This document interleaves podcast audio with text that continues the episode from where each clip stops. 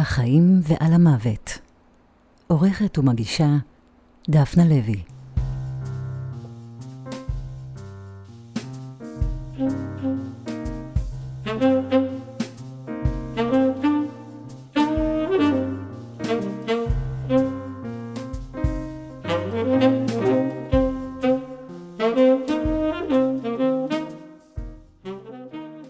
את תהל רן פגשתי לראשונה לפני יותר מ-20 שנה, כשראיינתי אותה למוסף הארץ לרגל צאת ספר שיריה בשמלתי. המפגש ההוא היה מבחינתי בלתי נשכח. כי תהל כתבה, כפי שהיא עדיין ממשיכה לכתוב על חייה, בחוכמה ובחמלה יוצאות דופן, שהיא טוענת שהצטברו בה במהלך השנים, אבל בעצם קל מאוד לראות שהם היו בה ממש מרגע שהיא החלה ליצור. בשנים שחלפו מאז, תהל כתבה מחזות ושירה ופרוזה, וממש לאחרונה ראה אור הרומן שלה בית עוגות הדבש. קדם לו הרומן האוטוביוגרפי בשם אחותי, ובשנה שעברה ראה אור גם הסרט שהיא יצרה עם הבמאית הדר מורג, ציפורה ורחל לא מתות. בספר ובסרט, תהל מתעדת ומפרקת ובוחנת את החיים שלה ושל ציפי, אחותה אהובתה שהלכה לעולמה. השיחה שלנו על ציפי התנהלה באותו חום ובאותה חמלה שזכרתי מהשיחה ההיא עם תהל, וממש באותה עוצמה של רגש. וכן, ישבנו מול חלון גדול ופתוח, שבזכותו זכינו שמדי פעם יצטרפו לשיחה שלנו גם ציפורים. אני אוהבת את זה. נכון? זה חיים. גם... נכון, בדיוק. מה זה אולפן? חיים, בני אדם ח- חיים. בדיוק. מכוניות נוסעות ציפורים. את זוכרת שציפי אמרה בסרט, הציפורים אמנם לא מצייצות, אבל הם יצייצו. איזה קטע זה.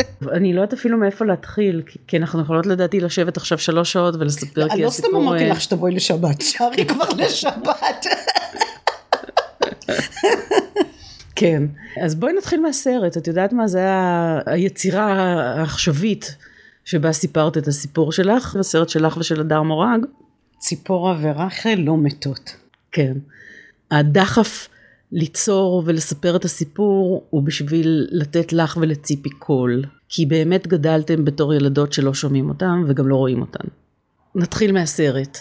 או שנתחיל מההתחלה. לא, לא מההתחלה, אני מפחדת מההתחלות. קחי את אחריות על הרעיון, אני רוצה לנוח, תשאלי אותי את השאלה. בסדר. כל החיים שלי אני רק אה, מביימת ומובילה ולא יכולה לנוח. עכשיו אני, דפנה, את תובילי. הסרט שלך מכיל הרבה מאוד קטעים שאת צילמת בטלפון שלך ושאת צילמת במשך השנים, מה שאומר שבעצם את התחלת לצלם ולתעד את החיים של ציפי ושלך הרבה לפני שבכלל חשבת לעשות מזה קולנוע. נכון, מה דחף אותך לזה? הצטלמתי, הדר צילמה אותי במשך שנים. גם אותי, גם את ציפי, בכל מיני מקומות, אצל ההורים שלי. ואז היא הבינה שהיא לא יכולה להשיג מה שאני יכולה להשיג בקשר עם ציפי, באינטימיות עם ציפי. כי ציפי היא סגורה, היא לא רוצה מצלמה, היא לא רצתה להצטלם. אז הדר אמרה לי, קחי את המצלמה, אני סומכת עלייך, ותצלמי. היא לא אמרה זה יהיה לסרט, זה לא יהיה לסרט. אבל אני לקחתי את המצלמה וביום הראשון שצילמתי, הצילומים הראשונים זה שציפי הייתה במצב של, אה, אם את זוכרת די בהתחלה, שהיא ככה מתנדנדת ומבולבלת. אז זה בעצם ככה, זה לא אמרתי לקולנוע, תיעדתי. לא ידעתי למה זה יהיה. אבל לא היה קושי לנהל קשר עם אחותך דרך מצלמה? אוהד לנצמן כתב איך, איך טייל הצליחה גם לאכול מרק וגם לצלם וגם להיות בתוך הסיטואציה וגם אני באמת שואלת איך והאם באמת אכלתי מרק אבל זה, זה חלק מהנשימה שלי היה אני חושבת שהבנתי שזה חשוב הבנתי שזה זה שמר עליי אולי המצלמה שמרה עליי אז בואי בכל זאת נלך להתחלה, התחלה. ש... שתיכן מאוד קרובות בגיל, נכון? נכון כמו תאומות את אבל גדולה ממנה בכמה... שנה רק בשנה אחת. ונולדתם אתם הילדות הקטנות של המשפחה? איך זה נשמע, אתם הילדות הקטנות של המשפחה, נשמע כזה מתפנק. אנחנו האחרונות במשפחה, כן. ולמה נמסרתן בעצם? כי הייתה אחות, אה, לפני שנולדנו, הייתה אחות גם גדולה ממני בשנה, שקראו לה אביגיל, והיא מתה בבית. ולא יודעים בדיוק את סיבת המוות, או שדרכו עליה, הכל לוטה ערפל, אמא לא הביאה לה חלב, אבל היא מתה. ואז השופט החליט ששתי הילדות, רחל וציפי, לא יגדלו בבית. אז היינו בבית התינוקות בית שבתאי לוי, ארבע שנים, ציפי שלוש שנים. ממש מגיל אה, מאוד מאוד מגיל צעיר, עשרה נכון? ימים. לא היינו בבית בעצם. לא יצאנו מהבית, כי לא היינו בו. אז היינו ארבע שנים בבית אה, התינוקות בבית שבתאי לוי בחיפה, ולא ידענו גם שאנחנו אחיות. מה זאת אומרת? יס יס, לא ידענו שאנחנו שיחקנו באותם מגרשים, אותו קרוסלה, אבל אף אחד לא אמר לנו שאנחנו אחיות. זה נשמע כל כך אכזרי. זה כי- עוד עדין, כן. לא, כי אני תכננתי לשאול אותך בהמשך למה בכלל הפרידו ביניכן, אבל אתם בכלל לא ידעתם שאתם אמורות להיות ביחד. אבל אחת המטפלות ששלחה לי איזה מכתב לדן שילון שהייתי אז בריאיון, היא כתבה שהייתי ילדה מקסימה ואהבתי ביסקוויטים ולהדליק נרות שבת ושכל הזמן הגנתי על ציפי ואם היה לי ממתקים אז הייתי מביאה לכולם וגם הייתי אומרת שיישאר גם לציפי גם אם לי בסוף לא נשאר כלום. אז זה מסר, מסר מבלבל, אני גם לא זוכרת כלום, אבל במשפחה אומנת נקשר ליבי לליבה. נלקחתן ביחד למש... לאותה משפחה אומנת. אותה משפחה. ושם כבר אמרו לכם שאתם גם אחיות כן. ביולוגיות? אה, לא זוכרת שאמרו את זה, אבל הבנו את זה. וגם שם את כותבת בספר שלך שלא ראו אתכם. לא, בבית של ההורים שהכריחו אותנו ללכת בשבתות וחגים, זה כבר אחרי שהיינו במוסד, במשפחה האומנת היינו שש שנים. כן. זה היה בית מאוד יפה, עם לימונים ושסק וגויאבות, ולא היינו רעבות ולא היינו צמאות, אבל האימא הייתה עסוקה בהישרדות שלה. אני מאוד מעריכה אותה כיום עם רומה גילי, שהיא לקחה את שתינו, ולא, ולא הפרידה, ואמרה לא, אני לוקחת רק אחד. אני מאוד מאוד מעריכה אותה היום יותר מתמיד. אבל, והיו שם עוד שני ילדים, אבל זה לא היה, זה לא, מהמקומות שלה היא לא חיבקה ונשקה, יש לי הרבה חברות שגדלו בבתים מאוד מאוד יפים ונחמדים, אבל גם שלא זכו לחיבוק ולנשיקה ולהרגשה שרואים אותם. איזה מלחמת הישרדות הייתה לה? אני לא ממש ידעתי את זה, אבל לפעמים הייתי מתעוררת בלילות והייתי שומעת אותה בוכה במטבח. ונורא הייתי רוצה להרגיע אותה, לחבק אותה, אבל היא אמרה לי, קחי מים ותחזרי לחדר. הרגשתי שכואב לה, ממש, עוד כילדה הרגשתי שכואב לה. ולמה בעצם התקופה הזאת נגמרה? כי לא, הם לא יכלו יותר. האבא לא בדיוק היה אבא, במקרה היינו בחלל שלו, לא התייחס אלינו בכלל. קראתם לו אבא ואימא, כן. אבא ואימא? כן.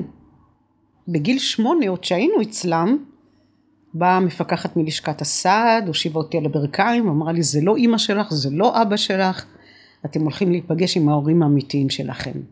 או, כן, אז האימא במשפחה האומנת אה, הלבישה אותנו בשמלות יפות ונעלי לק האדומות, היינו לבושות מאוד מאוד יפה. והלכנו לפגשת עם ההורים האמיתיים בגן ציבורי, כן, בהשגחה כזה? רק עם המשפחה האומנת, עם האימא, אבא ושני האחים, והמשפחה האמיתית, אבא, אימא, אימא שלי ישבה על הספסל, אבא שלי ישב עם חבילה של הפרות האדומות, שחזרו למודה היום, שוקולד פרה? שוקולד פרה, כן. כן, ונשק אותי במצח, בירך אותי, והביא לי את השוקולדים, חטפתי מהר את השוקולדים, ואימא שלי ישבה כאן עם שיער כזה, את יודעת, והתנדנדה כזה. יכול להיות שאני אתנדנד במהלך הרעיון וזה יתגבר. אוקיי. לא בגלל אימא שלי, סוג כזה של אה, תפילה לעצמי. אוקיי, מותר לך. כן, כן. אם, אם זה היה בשידור, בטלוויזיה, אז הייתי שולטת על זה, אבל עכשיו... אה, אבל את התלבשת והתגנדרת כאילו שאנחנו בשידור טלוויזיה, זה מאוד יפה מה שאת... אה, זו השרשרת שמלה משוק וזה. הכרמל לפני 20 שנה. די, תפסיקי, מותר לתת לך מחמאות, אה, את נראית תודה. נהדר, זה מה תודה, שהתכוונתי תודה, לומר. תודה, כן. תודה רבה רבה. ואיפה היינו? מהמחמאות במפגש הזה, למחאות. בגן הציבורי. מחמאות, מחאות. היינו במפגש בגן הציבורי. אז זהו, אז היא ישבה שם, והתנדנדה, ולחשה, ונורא נבהלתי מהאירוע הזה. לא היה מי שירגיע אותנו וזה, והיא הפחידה אותי. אז רצתי מהר לנדנדה, ואת ציפי אני לא זוכרת בפריים הזה. ואני מילדות, יש, אני מצלמת, העיניים שלי הם גם מצלמה. גם מכונת רנטגן, בלי סאונד. באמת. אני מצלמת, יש לי זיכרונות, אני זוכרת מה לבשת, מה אמרת, אם הראש שלך הסתובב ימינה או שמאלה, אם הפשלת עיניים. וזהו, והתנדנדתי, ואז נחתתי על ה... זאת אומרת, ירדתי מהנדנדה, וחזרנו לבית של המשפחה האומנת, אבל משהו קרה. מה, מה הבנת מזה? זה הרי דבר נורא דרמטי. מאוד. זה היה מבהיל מאוד, אבל לא היה מי שירגיע, מי שיסביר, מי שירכך מה קרה שם בגן הציבורי. אני זוכרת רק ש... שהייתי מבוהלת, אבל לא, לא, תר... לא היו לי מילים. זה היה אירוע מאוד מבהיל. וזה התחיל שרשרת של ביקורים או לא, של אה, אז, קשר? אז, אז בגיל שמונה הכרתי אותם, ואז עוד שנתיים המשכתי להיות במשפחה אומנת, ואז אה, היה כנראה משבר במשפחה האומנת, ועברנו למוסד. האימא במשפחה האומנת כל הזמן אמרה לרווחה, שימו את הילדות בקיבוץ, במושב, במשפחה אומנת אחרת, אבל לא, התעקשו שנהיה בפנימייה. זהו, אז היינו במוסד נווה מיכאל בפרדס חנה, שעד היום הוא קיים. בעצם נפרדנו מהחברות, מה, מהכל, זה גם התחלה חדשה.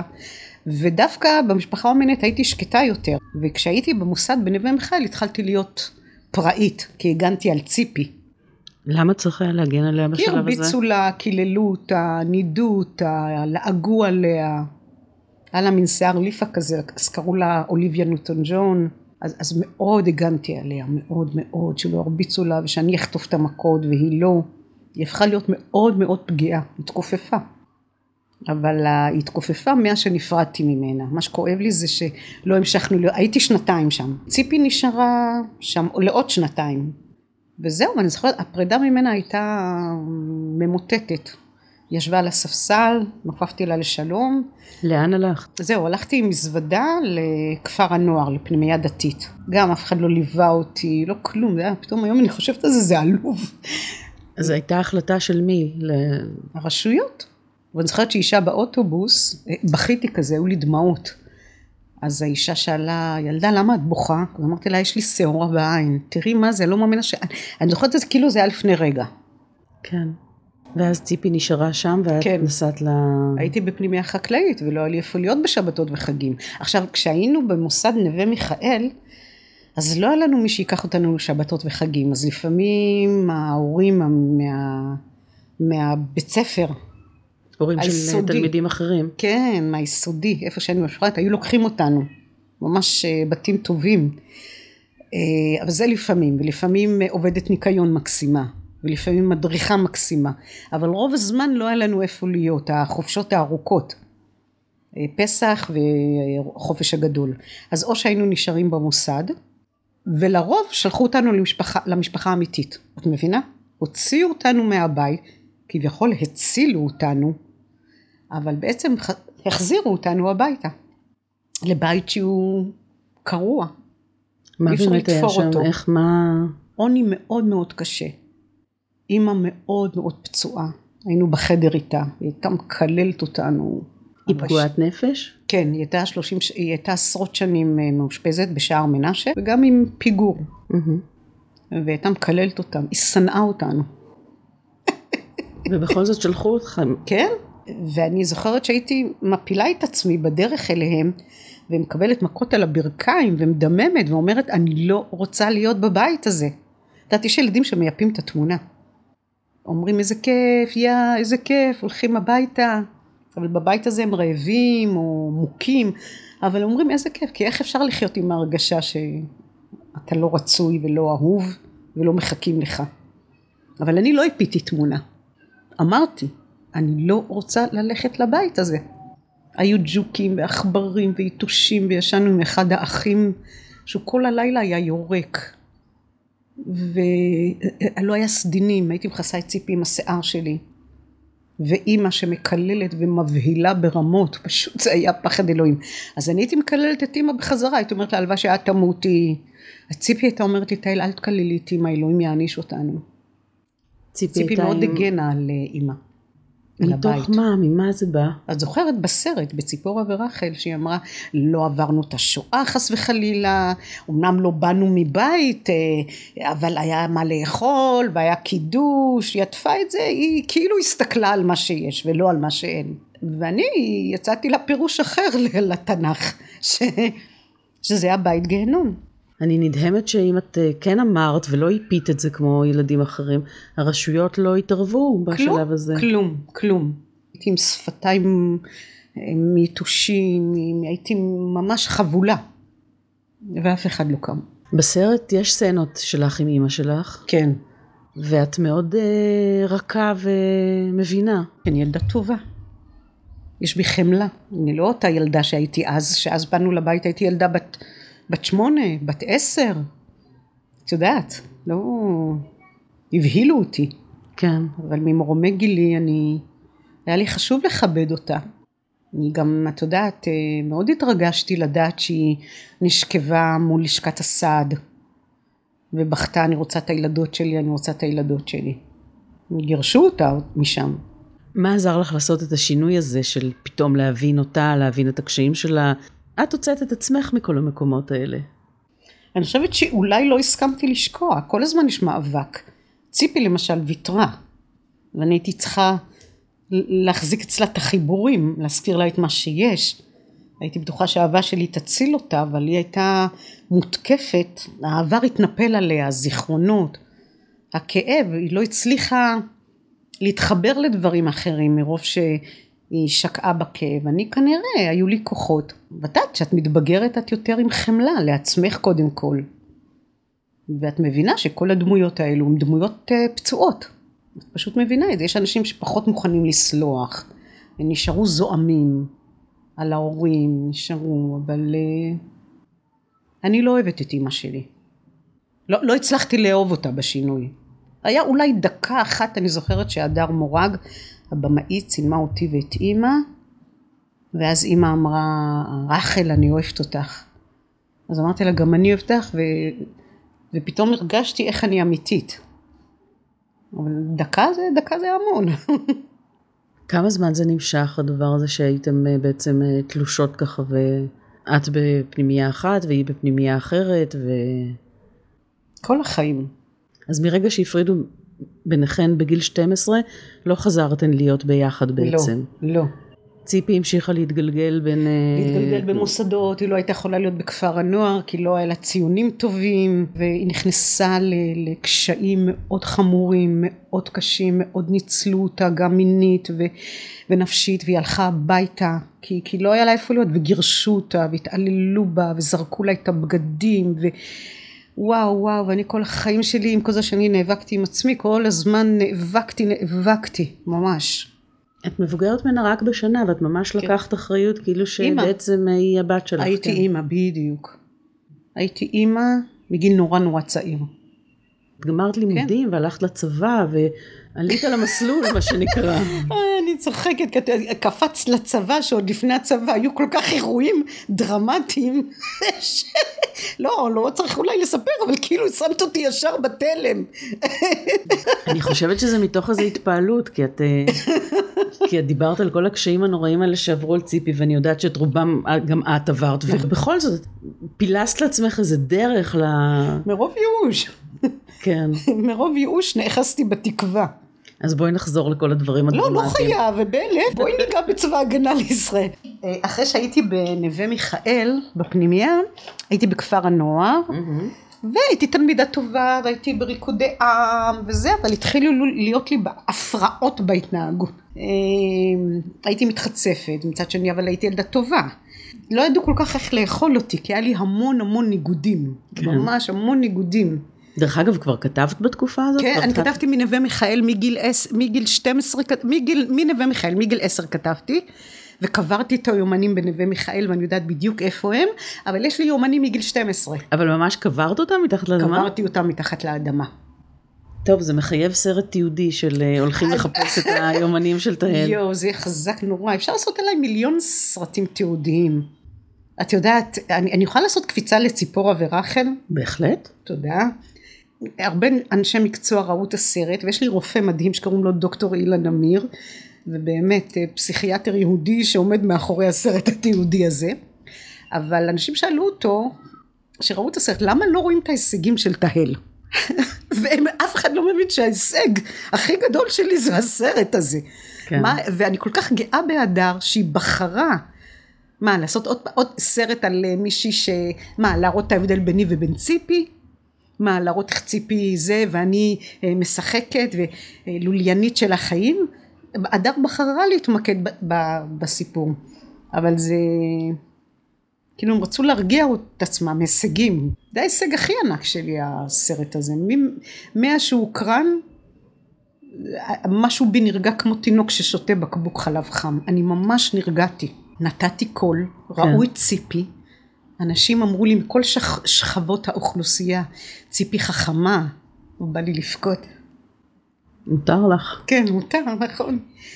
איזה חמודה ציפי, איזה שפה, איזה עוצמתית היא. עד עכשיו ציפי הייתה חולת נפש, או החברים שלי ידעו ציפי, אה, כן, יש לה אחות. כן, יש לה אחות באיזה אה, מוסד. במוסד פסיכיאטרי, גם, אתה יודעת, אף מעולם לא הוצאתי אותה. ופתאום רואים את ציפי, זה בעצם סיפור, הסרט הזה, הקהל עד, ל, כמו שאומרים, נפילתה של חומה, לנפילה והידרדרות של ילדה פצועה, ויש מיליונים אנשים כאלו בעולם.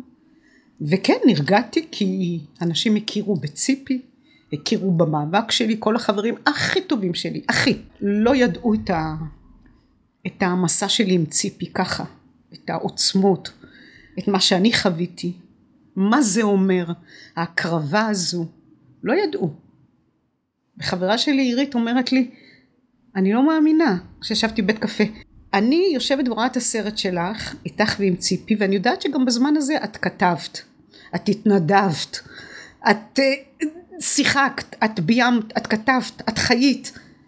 לא להאמין, כאילו היא אמרה אני לא מאמינה. אז כן, ציפי, ציפי, ציפי חיה.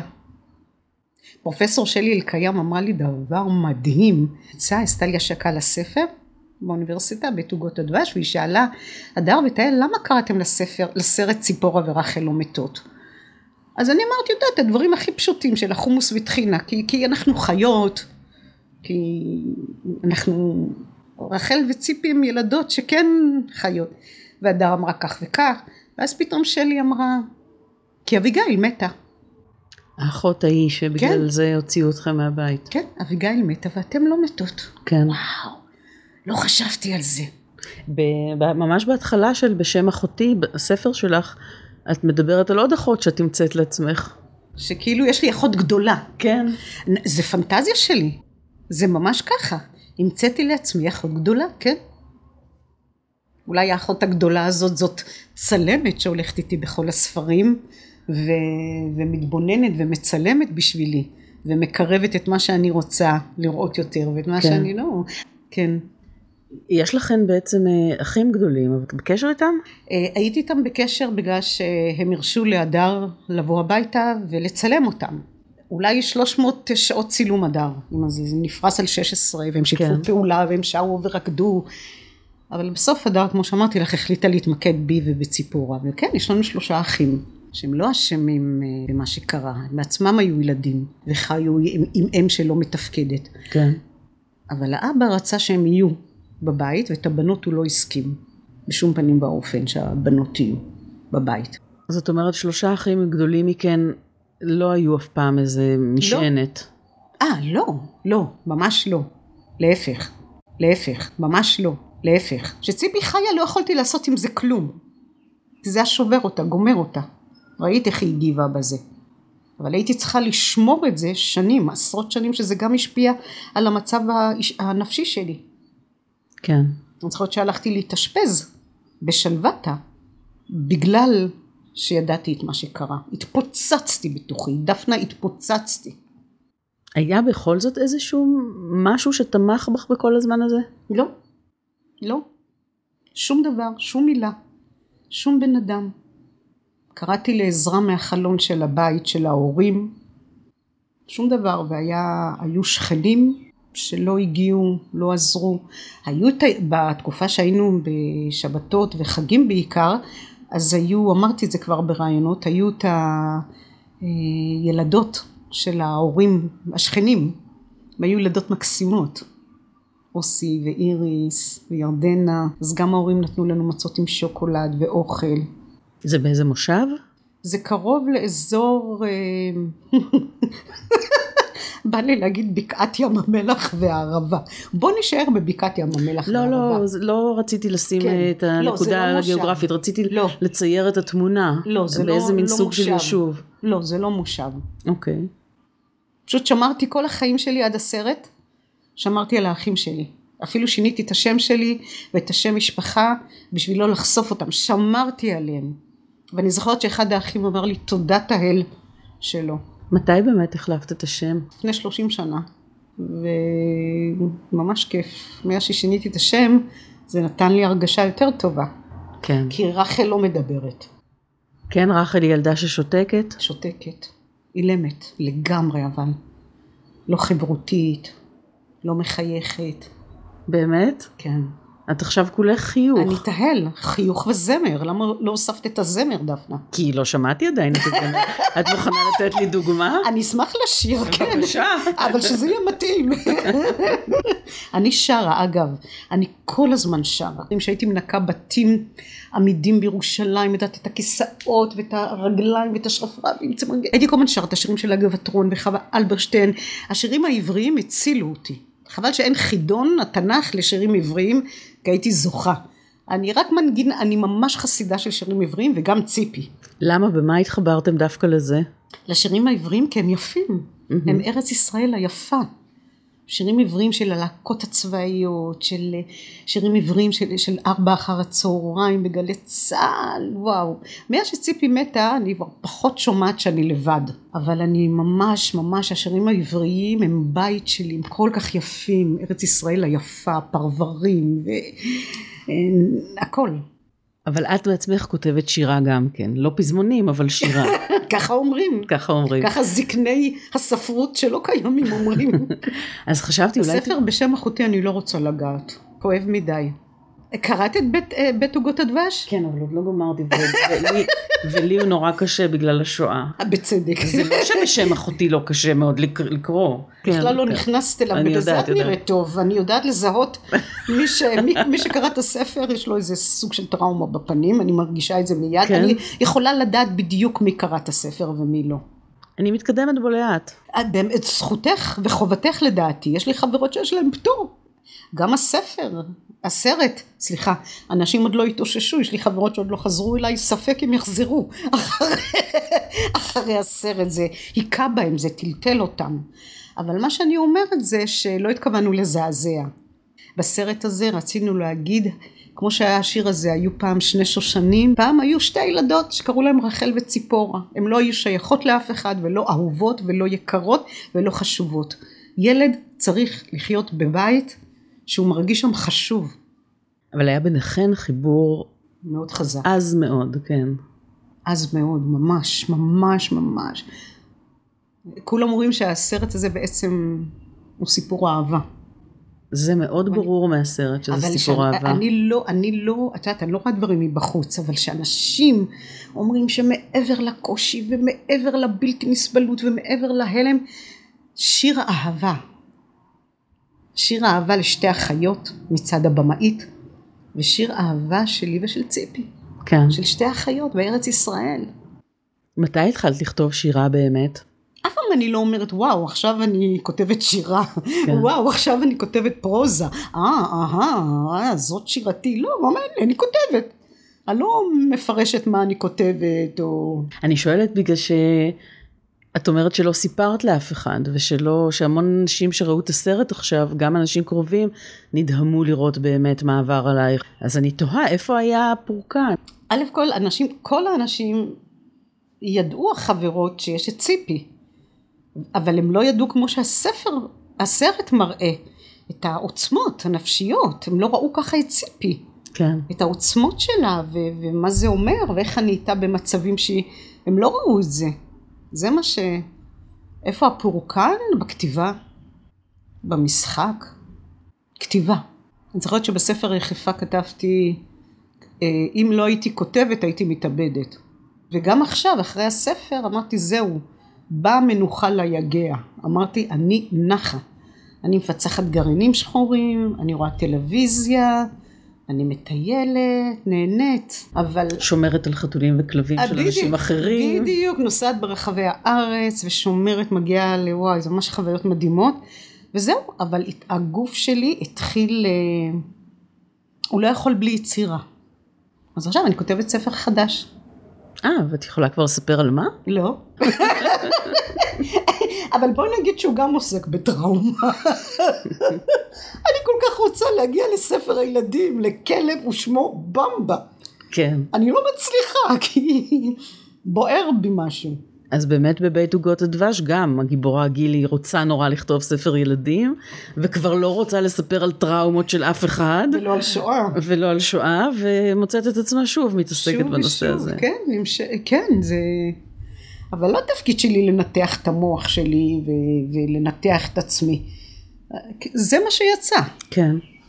אבל עכשיו שראינו בסרט את אה, ציפי באמת ברגעים מאוד קשים וברגעים אה, מאוד מייאשים ו... וגם הומור. והיה הרבה מאוד הומור. וביניכן יש הרבה כן. מאוד צחוק. אתן מדברות בשפת הגימל. נכון. מה זה? נכון. מאיפה למדת את זה? אני אלופה בשפת הגימל. תגידי עכשיו משהו ארוך ממש בשפת הגימל. ממש ארוך. כן. טוב, אז דפנה, רציתי להגיד לך שאגן הגיע יוגו דגה אגת שאגת לוגו בגה אגה מגת כגר אגת אגת אגה סגה פגר שגל הגיע אגב אגל אגן הגיע מגי וגי נגה אוגו תגח מגה אוגו אוגוד מגה אוגו אוגוד שאגת לוגו כגר אגת אגת אגה סגה פגר כי גי הגה סגה פגר בגגת וגוגו גוגות אגה דגה וגש וגו סגה פגר מגה אוגוד כגש שגה בגה לגה בגלה לגה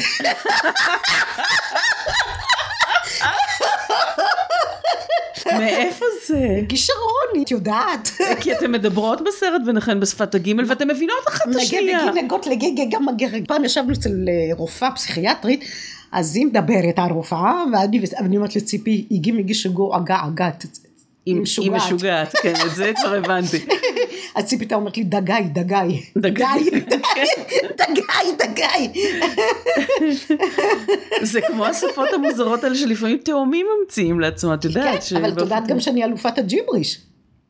כן, אני יכולה. לדבר איתך בצרפתית על הספר, בסדר? כאילו אני עכשיו, אה, אני מראיינת, ואני מראיינת, את תהל, ואני מראיינת אותך על הספר, ואז אני אומרת לך, je le perds partout, tu le saisons en deux, et le pont, elle a bougé le fond, tout de le tout le pépatois, je le fort patois, ou le petit sisson retrait là. טוב, נו, ברור שאת צריכה להיות על במה, זה המקום איזה, ה... אני כבר לא רוצה במה כבר. למה? לא יכולה כבר לחשוב שאני על במה. לא רוצה כבר להיות על במה, פתאום נראה לי מצחיק.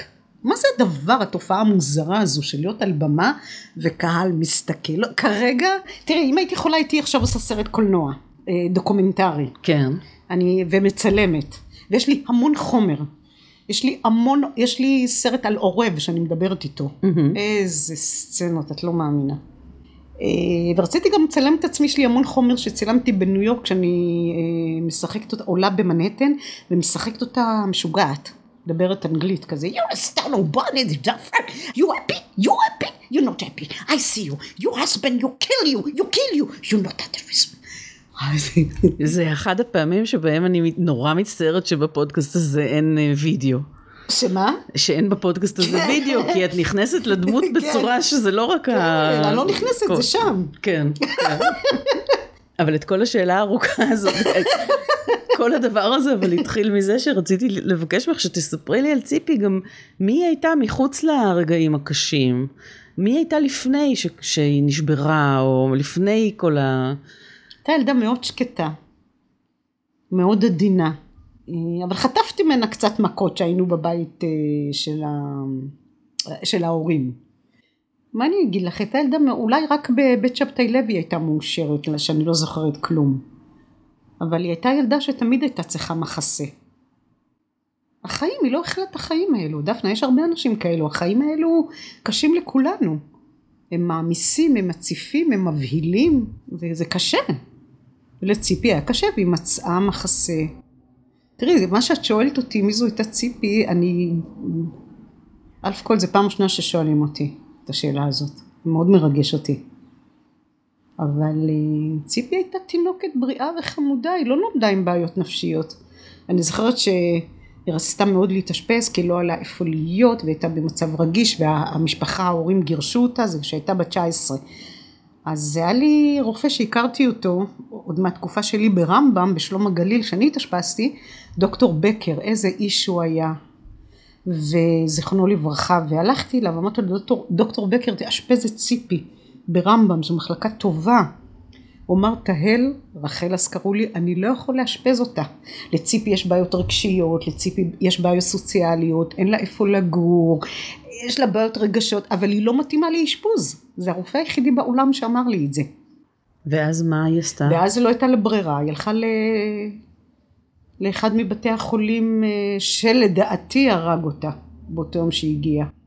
אני זוכרת את הרופא, הוא אמר יש לה דחפים מיניים, אמרתי דוקטור גם לך יש דחפים מיניים, כאילו המאשפזים, שזה לא היה נכון, אבל uh, לא היה לה איפה ללכת, והיא אמרה אם אני הייתי מאושפזת מגיל 14, אם אחותי הייתה בבית חולים אז גם אני אלך, ותהיה שם שבתות וחגים, יש הרבה אנשים שבאים להתאשפז לשבתות וחגים. בבתי חולים. זאת אומרת, מתערבב כאן כל העניין הזה של, של המצוקת נפש כביכול רפואית. בדיוק. ביחד עם, ה, עם כל העניינים ה, של קיום. היעדר בית ושל, קיום. כן, ושל עוני ושל חוסר יכולת בדיוק. לפתור את הדברים האלה. הכל מתערבב ביחד, כל בדיוק. המצוקות האלה. בדיוק, דפנה, בדיוק.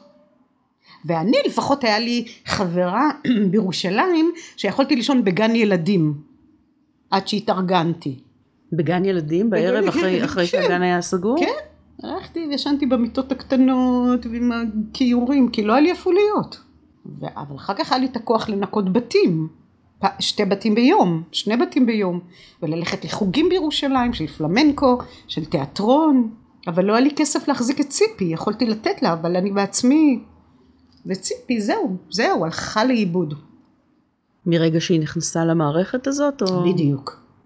אז היא רוב הזמן בטח הייתה מטופלת בתרופות. 30 שנה. הרגו אותה מיד, מיד, מיד, איך שנכנסה. שם חלה, ואני זוכרת שבאתי, ראיתי אותה שמנה מהתרופות, והיא מדברת. אמרתי לאחות, למה, למה, למה, למה? והיא אמרה לי, את תהיי בשקט. אנחנו יודעים שגם את היית מאושפזת. ומה זה אומר שאת היית מאושפזת? תשאלי אותה, שאין לי זכות שאת אה, לא להגן, סמכות. לשאול, מי את? מי את?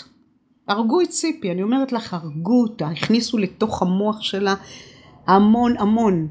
ניצלו את זה שאין משפחה, שאין זה, והעמיסו עליה זריקות ותרופות. גם על זה כתבת מחזה. כן, אבל לא על ציפי, על הפסיכיאטריות בקאמרי, עם 12 בנות לקחתי. קשורות. המחזה קשורות. כן. בדיוק. זה הרצף של מונולוגים, אבל זה לא היה על ציפי. אני שם הייתי אחות, מצחיקונת כזו, היה הרבה הומור, והשחקניות באמת טבעתי מהם, והם הביאו דברים מדהימים. כן. הסרט הוא ממש, ובשם אחותי. בכל השנים שציפי הייתה מאושפזת, את היית הבן אדם היחיד שבא לבקר אותה? כן. ואיך היו המפגשים האלה? מאוד טעונים, לפעמים מאוד כואבים, היא הייתה בוכה המון. הייתי, הייתי מתחנן בפניה שתפסיק לעשן, הייתי רואה את ההידרדרות שלה בשיניים, היא התחילה לעשן בכמויות, ולפעמים הייתי מביאה אותה, את יודעת, אליי.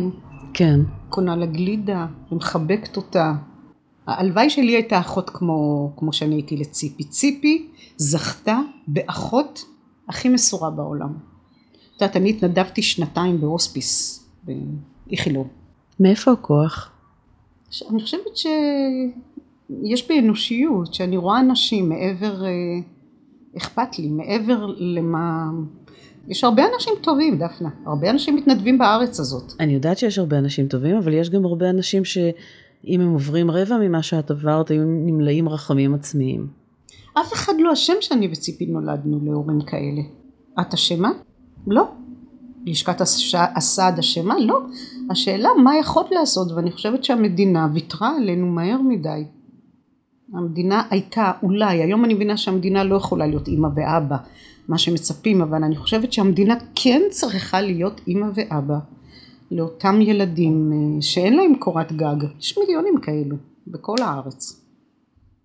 בכל המוסדות שעברתן לא נוצרו קשרים עם ילדים אחרים שהיו במצב דומה? לא. אז במובן מסוים ציפי זה היה מבחינתך עוד משהו שהיית צריכה לטפל בו, חוץ כן. מהמצוקה שלך עצמה, אבל זה גם היה קשר אנושי. זו ציפי, דם דמי, דם נפשי. ראיתי כציפי משפחה, ראיתי אותה כמשפחה, כי ראיתי אותה כאחות. כשהיא מתה, אז זה היה ממש, פתאום הרגשתי שאין לי משפחה. אבל זה היה קשה, תשמעי, זה היה קשה. אני רק היום, את מכירה את זה שאת הולכת ברגל המון המון, ואז את חוזרת באוטובוס ואת אומרת, את כל הדרך הזו הלכתי, אני היום אומרת, איך עשיתי את זה? חייתי בשביל שתי אנשים, יודעת מה זה להחזיק תקווה למישהו? איך עשית את זה? אין שיטה, אין שיטה. אני חושבת ש... אני לא יודעת, דפנה, אני באמת לא יודעת. אמונה, כוחות, אני לא יודעת. זעם. זעם הי- שלא הורס אותך אלא בונה אותי. יש כאלו שיש להם זעם וכאבים, והזעם הזה הורג אותם והם הורגים. הכעס, הזעם, הוא עדיין יש, אבל הוא... לא יודעת, ככל שכבר עברו השנים ואנשים אומרים וואו את כבר שנים יוצרת ועושה ו... וואו, אז דווקא אחרי הסרט אנשים פתאום יותר, אז אני לא יודעת מה, מה זה הדבר, איך נראו הימים שבהם הבאת אותה אלייך הביתה?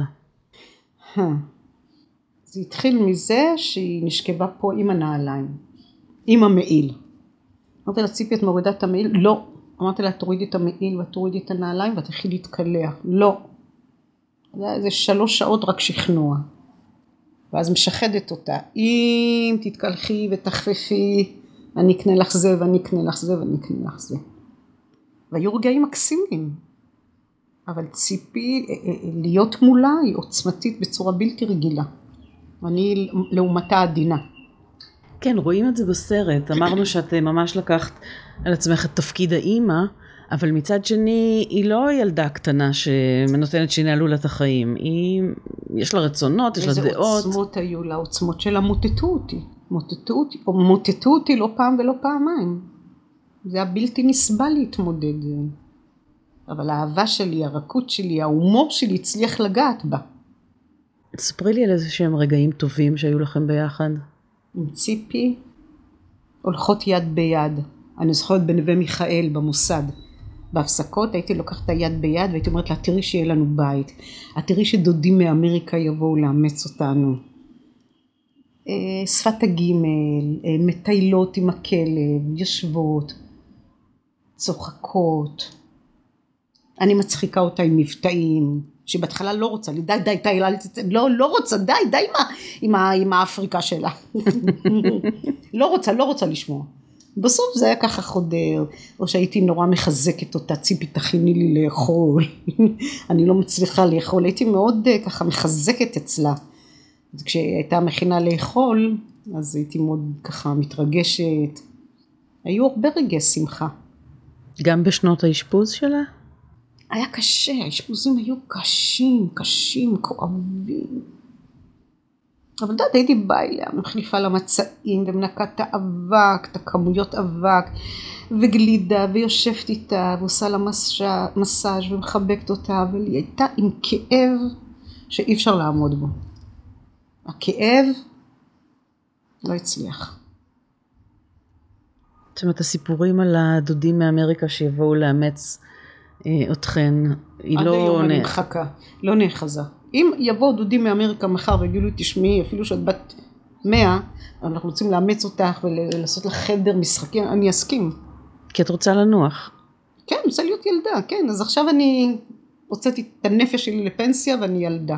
אבל זה לא בדיוק ככה, כן, אני עכשיו כותבת ספר על האיסטר. שאת לא רוצה לספר על מהו, אבל אה, לא, עדיף על. האיסטר. אוקיי. אבל אה, זה על אישה שחיה לא פה. כן.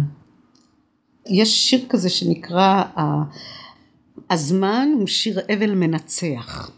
ציפי התאבלה, אני רצינית עכשיו, על מה? על מה שהיה ועל מה שלא היה. היא הייתה מקוננת, ולא יכלה להוריד את השמלה של המקוננת. היא הצטערה, היא... אני בעצמי אפילו לא יודע, אף אחד לא יודע מה, מה היה במוח. אי אפשר להבין, אבל... לא, שאלה אם דיברתן, דיברתן על זה. ציפי כל הזמן אמרה לי, אני מפחדת למות, אני מפחדת למות. לא בא שהיא הייתה בהוספיס, כל החיים. אני לא מתאבדת בגללך. אז אה, ציפי, המוות הפחיד אותה. כל הזמן, כל הזמן, כל הזמן. היא פחדה ממנו פחד מוות. היא לא רצתה, אני חושבת, לחיות, אחד הדברים, רק עכשיו עולה לי, שהיא לא רצתה לחיות, סליחה, אה, בגלל שהיא פחדה מהמוות. כלומר? נגיד הייתי יוצאת, הייתה אומרת לי, תזהרי שאת חוצה מעבר, זה היה קבוע כל השנים, תזהרי שאת חוצה מעבר חצייה, תשתי מים, תזהרי שאוטובוס לא יפגע בך, תזהרי שאמבולנס לא זה, כל הזמן, איחולים. הייתם המשפחה היחידה אחת של השנייה. כן? אבל היא פחדה שאני אמות. כן. הייתה כל הזמן אומרת לי, אני מדמיינת שאת מתה, ואני אומרת, יא, רחלי מתה, רחלי, רחלי שלי. כל שנייה תראי לך הייתה מישהי שמברכת אותך, תזהרי שלא תמותי, ותזהרי שזה, ותזהרי שעכבר ושנחש לא יקיץ אותך, ושעקרב לא זה. אז תשמעי, כל הזמן, כל הזמן, כל הזמן זה... את פתאום נזכרת שאת צריכה להיזהר. אני מניחה ששום דבר מהזיכרונות האלה לא אה, מתקהה עם הזמן, ואני שואלת את זה בגלל שאת אה, דבר ראשון אמרת לי שאת לא רוצה לקרוא מתוך אה, ושם אחותי, זאת אומרת זה, זה לא ספר שאת מסוגלת לחזור לקרוא אותו. גם לא את בית עוגות הדבש. באמת? אני כותבת מי כתב את זה. אני? אני לא אוהבת, אני לא, לא אוהבת, אה, מעולם לא אהבתי את היצירות שלי. כלום, שום דבר. אני מצטערת על הכל ועל כלום. כאילו, מצטערת שנולדתי, מצטערת לעידית פיאף יש שיר אין בי חרטה. ותמיד כן. אמרתי, גם אני כמו עידית פיאף, אין בי חרטה, מה שהיה לחרטה ברטה, אני מצטערת על הכל. אבל עשית המון דברים, את יוצרת המון דברים. כן, זה מה שיש. אם אני מצליחה או לא זה כבר משהו אחר, זה לא שלי. אבל זה הדרך שלי, אני לא יכולה, זה, זה, זה, זה ככה. מתי ציפי נפטרה? לפני שבע שנים. ממה בעצם? סרטן. תראי, זה גם רגיש הדבר הזה, כי היו המון סימנים שהיא מתחילה להיות חולה, אבל לא טיפלו בזה לא כלום. אבל כשהגענו להלל יפה, אז הרופאה אמרה שהיא כמו בת 80, מבחינת הגוף. הגוף. אבל בכל זאת נתנה לה טיפולים. ואז שלא הייתה ברירה, היא כבר הלכה להוספיס, כאילו. הסצנת אה, סיום של הסרט שבה את נמצאת ביחד עם גופתה שם בחדר ו... ויש עוד אנשים מסביב. אני מתנדנדת, כן. כן, כן, כן, לא מפתיע אותי שאת אה, מתנדנדת עכשיו. היא סצנה מאוד מאוד מאוד מאוד קשה. התלבטת אם להשאיר אותה? זאת הבמאית. דווקא הסצנה הזאת הכי הרגיעה אותי. א' כל זו הייתה בחירה של הדר. וכיבדתי את הבחירה שלה, אבל דווקא זו הסצנה שהכי, כאילו לא ראיתם את ציפי בחייה, אז תראו אותה במותה. זה, לא היה לי דיאלוג עם הקהל, זה, זה מה שהבמאית שלי בחרה. לא בגלל שרואים את, את הגופה של ציפי, אני אה, שאלתי, אלא בגלל שרואים את האופן שבו זה ממוטט אותך. כן. וואו, קשה לי דפנה עכשיו. וואו. לעולם לא אשלים עם מותה. אין לי שום פה, אין, ש... הרוחניות שלי פה, מכירה הרבה אנשים שאיצ'יק דנה וקוראים לעולם לא אשלים עם מותה. תמיד אני ילדה קטנה. ואומר לאלוהים למה לקחת לי את ציפי. את מאמינה באלוהים? אלוהים הפנימי שלי, כן, יש. אבל הייתי צריכה לבנות את עצמי, הכל התרסק. התרסקתי. זה היה נורא ואיום מה שקרה לי, שציפי מתה. רואים מזה בסרט דקה. זאת כן. אומרת, זה היה נורא ואיום, נורא ואיום. אבל ברור שהזמן כן עושה את שלו, ואני בוחרת בחיים, ואני אומרת ציפי בטח הייתה רוצה לדעת שלא עקץ אותי הקרב ולא הוקשתי מנחש ולא מתתי ולא קר לי ולא חם לי וכאילו ש- ואני שותה מים אז כאילו למענה. ואיך בנית את עצמך מחדש בשנים האלה? המון עזרה של דוקטור אילן אמיר הרופא שלי. ואני חושבת האמונה בחיים אני לא יודעת תאמיני לי אני לא יודעת להגיד מה אם אני חיה סימן שאני מחוברת לחיים לבני אדם אני מאוד מאוד אוהבת בני אדם אז, אז ו, וחיות ובני, לא יודעת אני ממש לא יודעת אבל זה לא אומר שעוד כמה שנים אני לא בום טראח אי אפשר לדעת זה אני לא חושבת שלאף אחד יש ביטוח. לא מתחייבת. לא, אני מתכוונת שאני לא מתחייבת, נראה איך אני ארגיש עם זקנתי. כשאני אהיה בת 120 אני לא בטוחה שאני לא ארצה להתאבד. כשאני אגיע לגיל 120 אני אגיד זה מספיק. מכירה את אלה שאומרים עליהם, יו תקבור את כולנו. כן. מוות זה דבר, אה, אני, על אגב, לא סליחה, יש הרבה מוות בספר אה, בית עוגות הדבש וחיים אבל, אבל זה נושק אחד לשני. כן. שלפעמים המוות מתנפל על החיים והחיים מתנפלים על המוות. כן. משחק שש-בש כזה אני מרגישה. זה די הדהים אותי שנוכח כל הדברים שאת אה, עברת על בשרך, אז פתאום בספר את מחליטה גם אה, לצלול לתוך השואה. זה לא פעם ראשונה שאני צוללת לשואה, עשיתי הצגה בפסטיבל עכו, שנקראת גברת בורחוב, שחיה במרכז תל אביב, ומדבר, ואף אחד לא יודע חוץ ממשרד הפנים על קיומה, ובספר יחפה זה סיפור של שתי נשים, אחת ניצולת שואה, זה לא פעם ראשונה, אבל פה מה שנקרא, ככה, נגעתי בשתי טראומות הכי חזקות של המדינה שלנו. כן. הלומי קרב, הייתי השבוע בכנסת. מה עשית שם? הקראתי, היה כנס ראשון מסוגו להלומי קרב, והקראתי קטע מתוך הספר, מתוך כן. אורי. כן. ברמב"ם, כשהייתי צעירה בשלום הגליל הייתי מאושפזת, כן. וכל הנערים והנערות, היו, כולם היו חיילים וחיילות, שהגיעו ישר בשלום הגליל, אז שמעתי את הרגשות שלהם, כן. אז כאילו משהו בי צילם, וגם כשהייתי ברמת חן באשפוז יום, לפני 30 שנה, אז כל הקבוצות היה של הלומי קרב. יש כן. כאלו ששתקו וזעמו, ויש כאלו שדיברו על כל מה שכולם מדברים בהלומי קרב. כן. דברים מחרידים. כן. אז אני, אני לא הייתי צריכה לעשות אה, מחקר או משהו, כי זה... אני מדברת על טראומות, אני יודעת מה זה, כאילו, אז את יכולה לעשות הרחקה, אבל... אה, כן. כאילו, לרות יש סיוטים מהשואה, לאור יש סיוטים מהצבא, ולי יש סיוטים מהעבר שלי, אני סובלת מאוד מאוד מסיוטים, מאוד מאוד. ובתהליך של הכתיבה של הספר, היו לי סיוטים של טנקים והמון דברים. הייתי מתעוררת עם תחושה של חנק ופחד, ממש. וגם על השואה היו לי סיוטים. בקיצור, חגיגה במאי. שזה דווקא סרט אופטימי, חגיגה. כן, מאוד, כן. הכפר. עם מיו מיו שם נוסעת היא לה, נכון, וזה- זוכרת? כן, כן, כן. תראי, אני חושבת שמה שמציל אותי זה הפנטזיות האלו, הסצנות הקולנועיות האלו. כי מאחורי השוליים של השפה העברית ומאחורי כל הכתיבה הקשה שלי, יש בי את האל, הילדה. הילדה שומרת עליי. הילדה שבי לא נק... לא נק... היא, היא חיה, היא לא מתה. אני, היא, היא, היא, שומרת עליי, השמחת חיים, היכולת שלי ליהנות מדברים פשוטים, להעריך. אין לה, יש הרבה אנשים שיש להם תפאורה והם עשירים, אין להם רגע אחד של צחוק וחיוך. כן. אין להם. מה הכי משמח אותך היום? מנוחה בטבע ולשמור על כלבים וחתולים בבתים מקסימים שופעי טבע. טוב, אז את הצעת לי אמנם להישאר פה כל הסוף שבוע, לדבר איתך על... באמת, כן.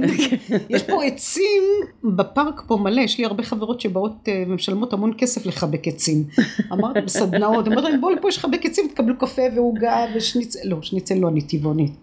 אני הייתי רוצה להקים בית לכלבים נטושים, אבל לא יודעת, אולי זה כבר, כל מה שקשור לכלבים ובעלי חיים, ובמיוחד כלבים, הורס את נפשי. זה המקום שאין לי הגנות שם. בגלל שהם כל כך חסרי אונים. חסרי אונים וכל מה שקורה להם. אבל הנה, אני לא יכולה להישאר שבת, כי את נוסעת לבלות עם כלבים, חתולים, אני עם מי? נוסעת היום למוצא, להיות uh, עם שני חתולים חמודים, ואז אחרי שבועיים אני נוסעת לטלביה בירושלים, לשמור על כלב חמוד לחמישה שבועות. נו, זה נשמע לי נהדר. איזה כיף. בתוך כזה זה תכתבי כמובן. אני אכתוב את הספר בירושלים נראה לי, כן. בבית בטלביה, את הספר הבא שלי. תהל, תודה רבה שסיפרת לי את כל הדברים איזה האלה. איזה כיף היה, דפנה, איזה כיף היה לדבר איתך. איזה מותק את.